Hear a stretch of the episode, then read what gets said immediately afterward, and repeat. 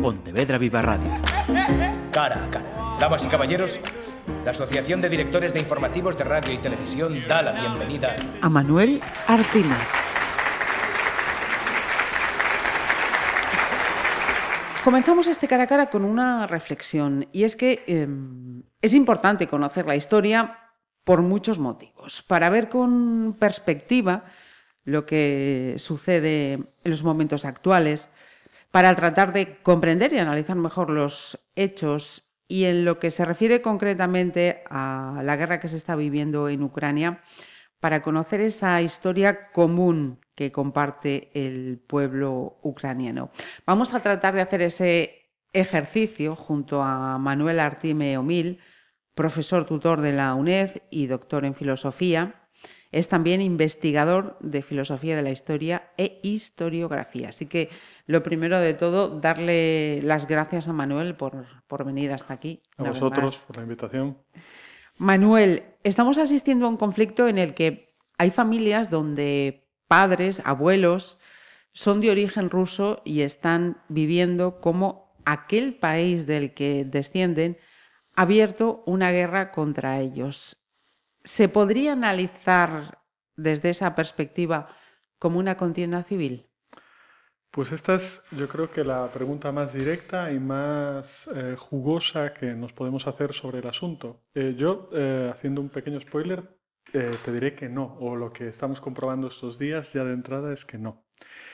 Y es que si bien se nos presenta el conflicto como un, y sobre todo en los últimos años, ¿no? como, un, como un conflicto de polarización entre dos comunidades, y la comunidad prorrusa o la comunidad eh, propiamente ucraniana, o más nacionalista ucraniana, eh, esto yo creo que conviene relativizarlo, porque en realidad eh, la, la, comunidad ucraniana es mucho más compleja, la sociedad ucraniana es mucho más compleja. Incluso me atrevería a establecer algún paralelismo con, con, con lo que significa nuestra propia vivencia de estas cosas. ¿no?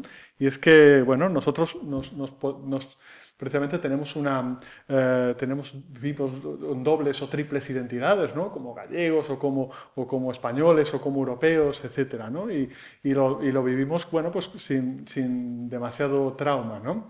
Sin demasiado trauma, pero con estas cosas eh, que siempre son muy delicadas, hay circunstancias en las que, en las que estas eh, identidades se quiebran y se, y nos obligan, y se nos obliga a elegir, ¿no? Y algo así es lo que está sucediendo aquí, ¿no? El propio Zelensky, que es el, presidente de, Ucrania, ¿eh? es, pensemos que es un judío. Es un judío eh, que, porque aquí se trata de, bueno, de que hay judíos, hay polacos, hay, hay, ascendencia rusa, mucha gente, efectivamente. Él es de ascendencia rusa. Su padre, si no recuerdo mal, su, su, padre es ucraniano y su madre es rusa, o a la inversa, ahora no, no, no, recuerdo, pero él, es, eh, él es, procede de, un, de, una de estas comunidades del oeste, del este perdón, del, del, país, de Oriente, ¿no? que son las, mm. las más mm. prorrusas. ¿no? De hecho, veraneaban en Rusia la, la familia. ¿no? Eh, verás, si, si, te sumerges un poco en el asunto, por cierto, que todos los políticos ucranianos están, son ricos, por, por, un motivo u otro, pero son, son están, es, son oligarcas casi todos. ¿no? Y ellos viven en realidad con un bilingüismo muy cordial, es decir, eh, no hay violencia porque alguien, no se violenta a la gente en uno u otro lado porque alguien hable uno u, otro, u otra lengua. ¿no? Por eso decía que en ese sentido son parecidos a nosotros. Hablan más ruso que el ucraniano, por la, porque, bueno, porque la, educación soviética, luego podemos hablar de esto, pues, pues incidió en ese punto, ¿no? Pero se, se, digamos que, que, las relaciones son cordiales, ¿no? Son eslavos todos, al fin y al cabo, se disputan, ¿no? Una, tienen una controversia también sobre, el, sobre cuál es el origen común ¿no? de, de, esa, de cada una de las comunidades, ¿no? pero todos se identifican en eslavos, ortodoxos, ¿no? o sea, tienen muchas cosas en común, tienen también elementos de, de, fricción y de, de conflicto, pero es principalmente en los últimos años cuando esto se ha... Eh, Recrudecido. O... Sí, se ha radicalizado. Pero pensemos en dos datos para sacar de delante esta idea de la contienda civil. Una, en el año 91, en el referéndum, vota el 90% de la población a favor, ¿no? Con un mínimo porcentaje mayor en la, en la parte ucraniana que en la rusa, pero casi todo el mundo. Y hoy, el dato más importante, incluso en lugares como, como Kharkov, que son muy prorrusos, ¿no? no están precisamente recibiendo con, con los brazos abiertos a, a, a, las tropas invasoras. ¿no? Has citado 1991. En ese año Ucrania pasa a ser un país independiente tras la disolución de la Unión Soviética. Si te parece, marcamos un antes y un después de, de ese momento, de 1991.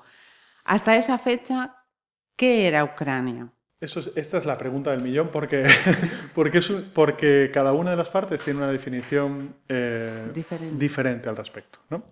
¿Qué podemos decir entonces sin, sin entrar si sobre, sobrevolando por el momento cier, cier, esa controversia. ¿no? Bueno, Ucrania es un territorio entre, entre dos imperios, o, o, o, lo que hoy conocemos como Ucrania culturalmente, uh -huh. es un territorio entre dos imperios, la parte que quedó bajo el imperio austrohúngaro y la parte que quedó después de la, de la salida de los mongoles ¿no? por, el imperio, por el imperio ruso. ¿no? O sea, par, una parte, digamos, más polaca, ¿no? el ucraniano se parece al polaco, ¿no?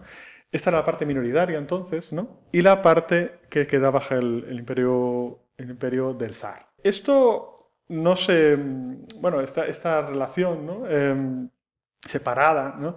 Eh, empieza a unificarse tras, el, tras la Primera Guerra Mundial. O sea, es que después de la Primera Guerra Mundial se produce el desmantelamiento de los, de los imperios. ¿no? Y es ahí cuando empieza a emerger una identidad eh, ucraniana y a manifestarse en el lado eh, además como dos formas, ¿no? En el lado eh, ucraniano, pues hay, un, hay, un, nacionalismo ucraniano, perdón, austrohúngaro, ¿no? Hay un nacionalismo ucraniano y otro, pues una reivindicación en el otro lado, pues más de origen, más de origen ruso, ¿no? En la República Popular, digamos, más de origen ruso, ¿no? Y, en ese momento son como esta película, de, que, esa escena que todos conocemos de la vida de Brian, ¿no? de la República Popular sí. Judía. Pues en ese momento eh, cada uno tiene su, su proyecto. ¿no? Esto se, se, después hay una guerra civil, ¿no? hay una guerra con los polacos, etc. ¿no? Eh, pero esto eh, tras la, bueno, queda unificado ¿no? bajo el, el, el paraguas eh, soviético. ¿no? Uh -huh. Y son los soviéticos los que, los que configuran territorialmente Ucrania. De hecho, la forma que, que tiene hoy, la, la, estructura territorial que tiene hoy, y ahí está una parte de la reivindicación de los soviéticos, ¿no? en la que se apoyan, se la dan, se la dan ellos. ¿no? Uh -huh. eh, pues la parte de Galicia o de, o de Volinia, ¿no? que son las partes eh, más eh, occidentales, ¿no? o la parte de Kharkov o del Donbass, ¿no? que, uh -huh. que unen digamos, de arriba abajo, ¿no? la parte eh, oriental sur, ¿no? vienen a conformar un solo, un solo país. ¿no?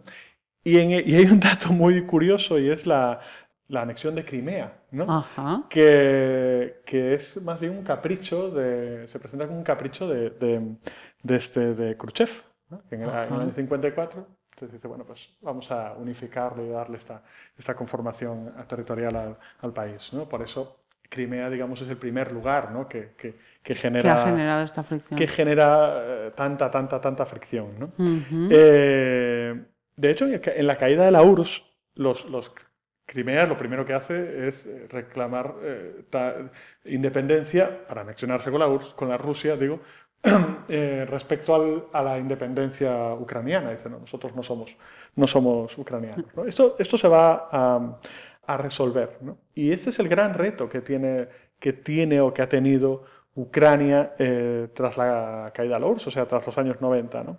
Intentar recoger, ¿no? construir un país entre personas que, que, bueno, que tienen una ascendencia eh, eh, étnica diferente, pero que tienen también elementos en, en común. ¿no? Principalmente, eh, y aquí está el, el kit de la cuestión sobre el que discuten, hay una disputa sobre la memoria acerca de lo que significa la, la, guerra, la Segunda Guerra Mundial. ¿no? Yo creo que este es el, el, momento decisivo y el que tenemos que, que, desentrañar para entender las cosas que se nos dicen hoy ¿no? y que proclaman uno y otro. ¿no? Y es que los rusos entienden que Ucrania, que es como un hermano pequeño, es un protagonista, un protagonista más de la gran guerra patriótica que han desenvuelto los esclavos contra, eh, los, contra el nazismo. ¿no? Uh -huh. Por eso hoy se habla de, de, que es una guerra más contra el nazismo. ¿no? Y mientras que los nacionalistas ucranianos su imaginario es que ellos, eh, digamos, se levantaban contra todos los invasores, o sea, no solo contra los nazis, sino contra los, contra, bueno, también contra el invasor ruso. Y hoy es una prolongación de ese eh, levantamiento de, o de esa, de esa voluntad, contra esa voluntad de los rusos de, establecerse allí. ¿no? Mira, has mencionado Galicia, o Galicia, o la Galicia de los eh, Cárpatos. Y mm, aquí te quiero eh, hacer una, parada para que nos digas em, dónde estaba, qué era, y ahí voy a hacer eh, mención a una ciudad de la que también estamos oyendo hablar mucho estas semanas, que es Leópolis, la capital cultural de, Ucrania. Hmm. Sí, em, Galicia o Galicia y Bolinia son esa parte occidental de, Ucrania y por hmm. tanto también, digamos, el núcleo o el germen de ese nacionalismo ucraniano. Y Leópolis es, eh, se escribe L-E-V-I-V en, ucraniano, y hay de hecho varias, eh, varias formas de, describirlo, de, decirlo y tal. Es la capital cultural precisamente porque recoge todas esas eh, mezcolanzas, esas herencias, ¿no? Eh, los restos de la cultura eslava, ortodoxa, la, católica, polaca, la, judía, la, austro, austroalemana, etc. el, interés de, este, de, este, de, esta zona. de esta zona es precisamente que como impulsor eh, nacional, los, los, las personas, de esta, los ucranianos, ¿no? Eh, de esta, los que se reivindican ucranianos de esta zona, eh, van a establecer dos guerras, una con los polacos, o sea, una contra su oeste ¿no? de liberación, y otra contra los eh, rusos, contra los eh, soviéticos, ¿no? cuando se produce la, ocupación a, partir del, pacto germano-soviético. Por eso los, los ucranianos, eh, digamos que construyen su nación como una liberación frente a, estas, frente a estos dos, dos frentes. Frente a esos dos frentes, ¿no? el que les queda a su... parte occidental y la parte soviética. parte oriental. Ajá. Durante la Segunda eh, Guerra Mundial he leído, 1942, es en Galicia donde se crea el ejército insurgente ucraniano que combatió contra nazis, contra Unión eh, Soviética. Mm, entiendo que eh, es referencia a esto ¿no? que nos acabas, nos acabas de decir. Sí, sí, eh, claro. Eh, pensemos eso, el pacto germano-soviético, el, en la, en las, el previo a la, a la, Segunda Guerra Mundial. ¿no? Se organiza un, un, ejército en torno a un personaje que es muy referido hoy en las noticias, lo encontraréis, ¿no? que es este Stepan Bandera. ¿no? Y los banderistas torno a este ejército, que se llama la UPA comúnmente, es el, acrónimo de, este, de este ejército insurgente ucraniano, el acrónimo en, en cirílico, ¿no? Lo que hacen es, eh, de entrada, y este es el, elemento de discusión aquí, colaborar con, con, el invasor alemán, o sea, colaborar con los nazis. En realidad, a los nazis no les hacía demasiada falta aquellos eh, pequeños ucranianos ah, que venían a ayudarles. Eh, para ganar, quiero decir, para avanzar, no les hacían demasiada, gracia, demasiada falta. Y se ocupaban de una tarea de más bien de, retaguardia. ¿no? Con lo cual, pensemos que, bueno, en esta zona hablamos de medio millón de judíos que han sido exterminados. ¿no? El papel de, estos, de, este, de este ejército, de estos banderistas en este exterminio y esta colaboración con los, con los nazis, pues es como mínimo controvertido. ¿no? Este es el motivo de que, de que, la, bueno, de que, el, de que hay una memoria maldita ¿no? en torno a ellos. ¿no? Eh, los rusos, como anticipaba antes, entienden su guerra, eh, entienden la Segunda Guerra Mundial como la gran guerra patriótica, la gran guerra de la patria. Nosotros claro, las películas parece que es una cosa de los americanos, ¿no? pero los rusos la viven como su gran triunfo, ¿no? Su gran triunfo. Ellos han salvado a Occidente, tienen esa, tienen esa, digamos, esa, esa conciencia bastante justificada por otra parte, ¿no? Y bueno, y lo que único que existe para ellos es el ejército rojo, no, no reconocen, eh, no reconocen diferencias, ¿no? Lo que sucede en los años, a partir de los años 90 hasta hoy, sobre todo en los 10 últimos años, que yo creo que esto es muy importante para entender por qué se produce esta radicalización, ¿no? muy importante esto, es que mm, es que se produce una, memoria pendular, ¿no? Y es que aquellas partes más nacionalistas ucranianas empiezan a reivindicar de manera casi acrítica, o sin casi, a, bandera. Y hacen algo que, que, podemos ver en muchas ciudades. Estaba plagada Ucrania de, de, estatuas de Lenin y lo que hacen es coger la estatua de Lenin, quitarle el busto y ponerle la cara del busto de Stepan Bandera. Imagínate lo, lo, que, lo traumático, el agravio. el agravio que esto significa, ¿no? o sea, la revisión que esto significa. ¿no? Ellos reivindican a su héroe de que luchó contra todos los invasores, pero, pero para los rusos están eh, reivindicando a un, a un nazi. ¿no? por eso esta controversia de los de los de ahora de los Azov y los Wagner, no sé si. Efectivamente, vamos por ahí porque son eh, dos eh, palabras eh, o dos batallones, grupos de los que estamos oyendo hablar y quizá estamos un poco perdidos. ¿Qué es el grupo Wagner? ¿Qué es el grupo Azov? A ver, el grupo Wagner y el grupo Azov son eh, dos batallones paramilitares. Pensemos, luego podemos hablar de esto, que, en los últimos eh, años, precisamente a raíz de esta radicalización ¿no? nacionalista, eh, nacionalista por parte del nacionalismo integrador o pretendidamente integrador, que sería el ucraniano, y nacionalismo por, por parte de un, nacionalismo que se, que se vive disgregador, ¿no? de hecho se quiere formar una especie de, de nueva Rusia ¿no? en, en, la parte oriental de Ucrania. ¿no? Eh, lo que se ha producido es la emergencia de, grupos paramilitares, grupos paramilitares que ahora sí ejercen la, violencia contra políticos y representantes del, otro, del otro lado. El batallón Azov y el batallón Wagner, oímos hablar tanto de ellos porque forman parte de la guerra de propaganda que uno y otro bando mantiene.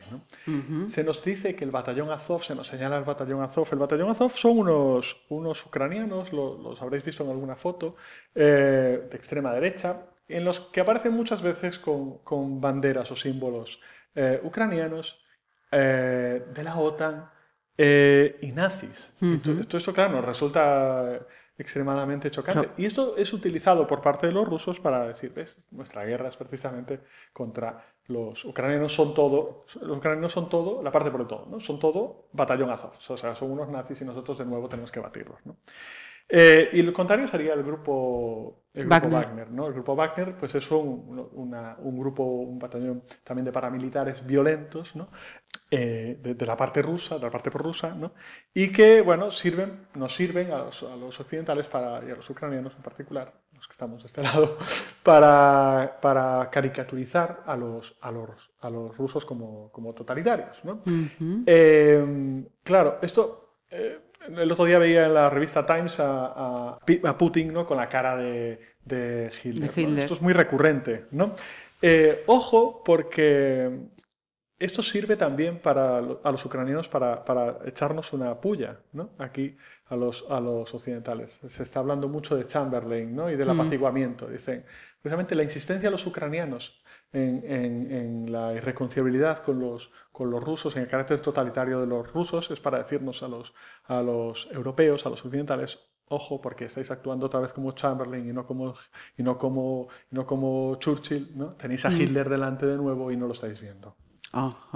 Seguimos tomando nota, que como se diría vulgarmente, aquí hay, mucha, mucha chicha que, descubrir.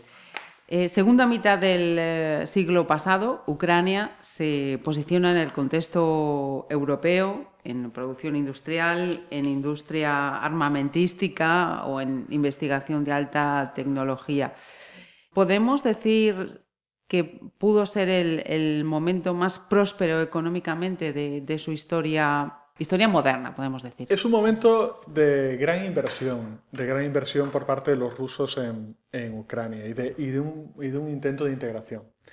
Hay que pensar que, los rusos tenían cierta mala conciencia respecto a lo que había significado el periodo estalinista. durante el estalinismo, eh, esto, Stalin eh, desconfiaba de los ucranianos. En general, desconfiaba de los nacionalistas. ¿no? Pensaba que Lenin había sido demasiado, también, pues, demasiado complaciente con ellos, ¿no? reconociendo, pues, hablamos de la Unión eh, de Repúblicas Socialistas, o sea, mm. reconociéndolos como, una, como una república eh, diferente a la, que se, a la que estaban unidos, etc. Con Lenin, en los años 20 casi vivieron un cierto esplendor, una cierta esperanza. ¿no? Eh, pero con Stalin pues se produjo un periodo de, enorme castigo. Este es el periodo de la, que, conforma el gran periodo negro de, Ucrania. Se produce bueno, a raíz de unas, de unas políticas económicas ¿no? Eh, una colectivización forzada, imagina pues aquí pequeños campesinos, ¿no? Eh, que son los que básicamente son los ucranianos, eh, pues se les colectiviza para que sirvan de granero, ¿no? y bueno, esto produce una hambruna terrible que, bueno, que mueren 3 millones de, ucranianos de hambre, que se calcula, ¿no? Esto ha sido interpretado por la memoria de los ucranianos como un holodomor, que es una palabra muy parecida a holocausto. Y ha servido precisamente para, para, sobre todo en los últimos años, ¿no? para generar mucha literatura respecto a, a, esto. ¿no? Los países del este han vivido nuestro, su propio holocausto bajo el paraguas soviético. ¿no? Decía que esto sirve como, como contrapunto a lo ah. que se produce después de Stalin, ¿no? con, con, Khrushchev y con, y con Brezhnev. ¿no? Por un lado hay una gran inversión, ¿no? que va a ser eh, pues, eh, lo que hoy vemos de, pues, de inversión eh, nuclear, de inversión industrial, de inversión naval, armamentística, etc. ¿no? Pero por otro, esta integración también es, sobre todo en el periodo de Brezhnev, tampoco es muy amable, porque lo que se hace es oficializar en la escuela el, el ruso, ¿no? de manera que el ucraniano acaba acaba quedando como el vasco en el franquismo, o sea, una cosa que habla muy poca gente, ¿no? Precisamente se ha tratado de recuperar en las últimas, en las, en las últimas eh, décadas, ¿no? Eh, no es precisamente una edad de oro, pero bueno, sí es una edad de, en que este, la segunda mitad del siglo XX en los que a los ucranianos les fue mejor económicamente, ¿no? Ajá. También en, la, esa segunda mitad de, siglo, en el 86, hay que decir que se registra pues, eh, el mayor accidente nuclear en la, en la, historia. No hablo de uso bélico, que fue Chernóbil, un fantasma pues, que tampoco deja de planear en este, en este momento. Pasamos al, al 94. Ucrania ya es un país eh, independiente, se firma ese tratado de no proliferación nuclear por el que este país cede a Rusia una ingente cantidad de material bélico, nuclear y no nuclear. De no haberse firmado aquel tratado, Manuel, ¿este momento bélico se habría mm, producido o, de haberse producido sería muy diferente? Bueno, este es el típico de contrafáctico que, a un investigador le, echa para atrás, ¿no? Porque que hubiera sido la historia de otra manera, ¿no? Bueno, eh, efectivamente eh, sí, em, en los 90 se produce una situación muy, muy complicada, ¿no?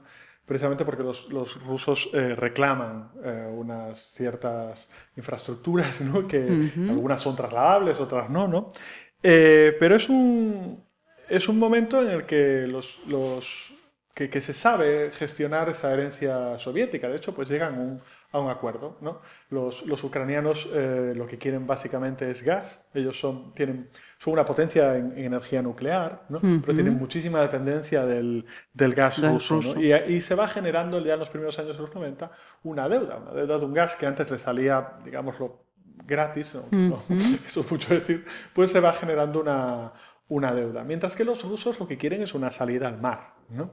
Eh, bueno, llegan a un acuerdo, un acuerdo, un acuerdo que supone para los rusos también pues, tener la, el puerto de Sebastopol, ¿no?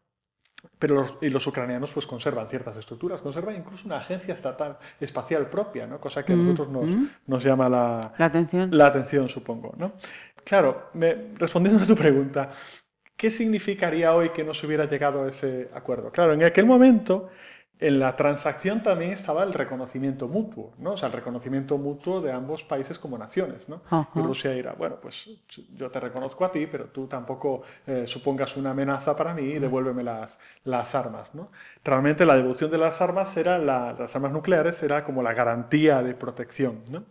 Hoy se plantea la cuestión de, como la me has planteado tú, de la manera contraria. O sea, la garantía de protección para ahora mismo para los ucranianos sería eh, decimos estar en la OTAN. Cuando decimos estar en la OTAN, decimos estar bajo las, el paraguas bajo el paraguas nuclear. Pensemos que precisamente es el mismo motivo porque la OTAN no quiere eh, más que mandar unas pocas armas y, y, no, y no, pues, no implicarse nada más. ¿no? De cualquier forma, creo que, quiero insistir, que este no es el gran motivo de, controversia o digamos que ahí, ahí se ha producido un acuerdo.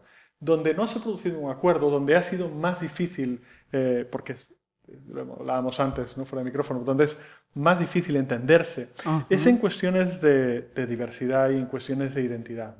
Y aquí es donde las soluciones institucionales han sido más descuidadas y han sido más eh, pobres. Y por eso se han producido estas, esas tensiones internas, precisamente por la eh, por, no, por, no, haber sabido compatibilizar las, bueno, las diferentes sensibilidades, las diferentes memorias, las diferentes culturas, etc. ¿no?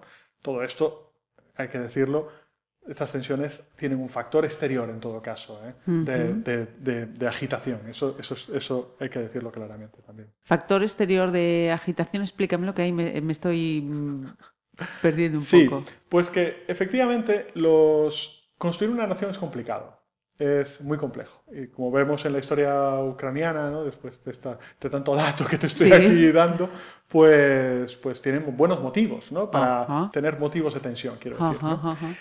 Respecto a esto, nosotros tomamos soluciones de, pues, de tipo federal, ¿no? Se conceden autonomías y se conceden, o se, se conceden esto, pues esto, eh, soberanías eh, moduladas, se conceden derechos lingüísticos, derechos, etc. ¿no?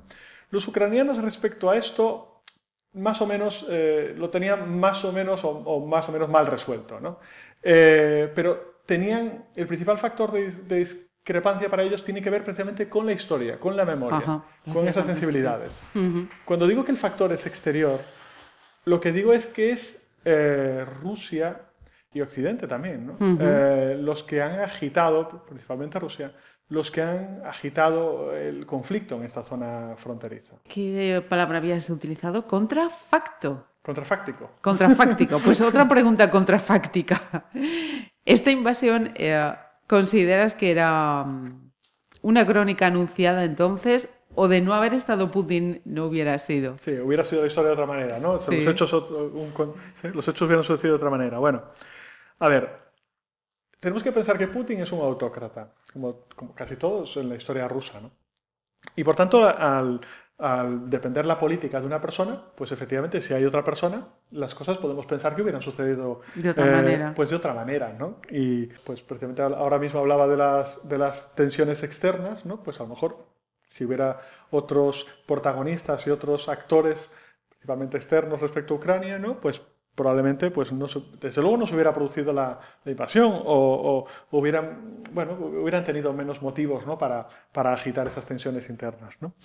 Pero en todo caso, tenemos que pensar que existe un nacionalismo ruso y un sentimiento eh, bastante extendido, primero de que, de que son una misma comunidad ¿no? eslava, y luego un, un sentimiento de orgullo herido. Pensemos que Rusia era una gran potencia que en los años 90, tras la, URSS era una gran potencia, que en los años 90 la Rusia se queda en, poca cosa, ¿no? y mm. precisamente pasa, atraviesa un momento de, debilidad. ¿no?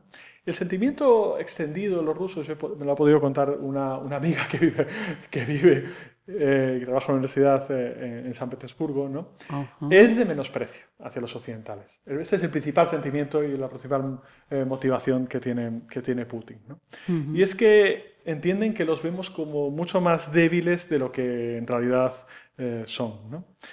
Y luego, pues hay una, un sentimiento, es también muy agitado por Putin en este caso, pero un sentimiento también muy presente en los rusos de, de vulnerabilidad y de, y de, bueno, y de amenaza exterior. ¿no? Eh, son una estepa. Y como son una estepa, tampoco tienen ningún río, ninguna cadena montañosa, sino que cuando los invade Napoleón o los invade pues, los, alemanes, eh, pues se les plantan en las puertas de las ciudades, ¿no? porque tampoco tienen demasiada eh, defensa... defensa... o resistencia. Pero bueno, lo que ha hecho Putin básicamente es alimentar esta, esta paranoia, esta idea de nos tienen manía, ¿no? de la rusofobia, ¿no? ellos también, ¿no? Eh, que somos un fuerte sitiado. Estas son, son, ideas que, bueno, son tentaciones que tiene todo nacionalismo y, que Putin ha agitado de manera eh, peligrosa. Em, estamos hablando de, historia y tenía, pues eh, casi para terminar, también una referencia a la, a la historia del cine, que tiene su, su, hueco, guarda un, hueco para la ciudad de, Odessa. El acorazado Potenkin es una película de Einstein de 1925, es una película de, cine mudo que relata los hechos que ocurrieron en el puerto de Odessa en 1905, cuando, a, raíz de la sublevación de la tripulación del acorazado, pues se produce una, una rebelión del pueblo contra el sistema eh, zarista. Así que esta ciudad pues queda, creo, en la memoria eh, colectiva por, por, aquel hecho. Y quería preguntarte si es ese significado de, la historia de, la Unión Soviética, eh, o en la historia, perdón, de la Unión Soviética, lo que hace de Odessa un enclave importante para Putin o es más em, una cuestión eh, geoestratégica que tengo que dejar claro que se nos escapa también en, este, en esta charla? ¿no? no, pero claramente es una cuestión geoestratégica, a mi juicio. Eh, porque, mm, bueno, por, lo que significa ¿no? la, salida al, mar, y negársela a los ucranianos, empujarlos hacia, hacia, el, hacia, el, este, hacia el oeste, claro. Eh, y es que Putin puede hacer muchas cosas, pero no es un nostálgico de ni, ni del bolchevismo ni de la revolución. A, Putin eh, lo que no le gustan... Puede, puede, ahora vamos a matizar esto. A Putin no le gustan los, los... o no reivindica históricamente, si tú lees sus discursos, no reivindica los momentos eh, de crisis, los momentos revolucionarios, los momentos de cambio. ¿no? no, vas a encontrar reivindicaciones del año 17 o de, pues, o, del, o de, los, años, o de los propios años 90. ¿no? Para él son momentos de debilidad. Eh, él asocia en una concepción autocrática ¿no? que cuando le ha ido bien a los eslavos es cuando han estado todos unidos y, en apoyo a su líder, ¿no? a un líder eh, pues que puede ser el zar, eh, que puede ser Stalin en un momento dado de la Segunda Guerra Mundial, o puede ser él. Pero el hecho de que en un momento dado reivindique la figura de Stalin, que no lo hace tampoco expresamente porque es controvertida, no significa que, él reivindique el bolchevismo. De hecho, a Lenin no lo reivindica en absoluto, más bien lo mm, critica, mm. es, le, achaca haber montado este lío, ¿no? Eh, o parte de este lío, ¿no? al, darle reconocimiento a Ucrania. ¿no? Y, por cierto, lo quita del himno, de, la letra del himno, de las referencias a Lenin ¿eh? en, el año, en, el año, en el año 2000. ¿no? Eh, la invasión tiene que ver precisamente con esta voluntad de autoafirmarse frente a Occidente, ¿no? y, y porque le reconozcan, eh, porque se les reconozca como, de nuevo, como una, como una nación unida, eh, cohesionada, poderosa, etc. ¿no? Y por eso también las esperanzas de Occidente se cifran en, en quebrar mediante estas acciones esa unidad eh, interior. No sé, complicado. Muy, muy complicado. Nos queda Ah, bueno, nos queda, digo nos queda porque nos podíamos ir por, otras eh, ramas de, reflexión que podría dar lugar a, otro contrafáctico, pero lo vamos a dejar, no voy a marear más a Manuel. Es que yo pensaba, de hecho, has hecho la referencia al principio, ¿no? Los mandatarios ucranianos son grandes oligarcas también, ¿no? Y yo pensaba en otro contrafáctico que es ¿Qué hubiera pasado um, si Zelensky no estaría también en, Ucrania? ¿no? Sexto presidente desde 1900, digo 1900, 2021, en un contexto en el que el pueblo ucraniano está, vamos a decir que harto de, la corrupción en, en, su país y se decantan pues, por un personaje que conocen por la televisión y por la comedia y que a día de hoy pues se ve al frente de, un país en guerra. Pero digo, eso es otro contrafáctico, daría lugar a otras reflexiones y podemos montar otro programa también para debatir o, aprender, que es lo que espero que nos sirva esta, esta charla. Manuel, de verdad, muchísimas gracias eh, por, por acompañarnos. Pontevedra Viva Radio. ¿Me permiten que les haga un comentario como espectadores del programa Cara a Cara? Según un reciente sondeo de mercado, ustedes disponen de estudios e inteligencias superiores a la media. Sus intereses abarcan desde la actualidad mundial y la ciencia hasta el deporte y los espectáculos.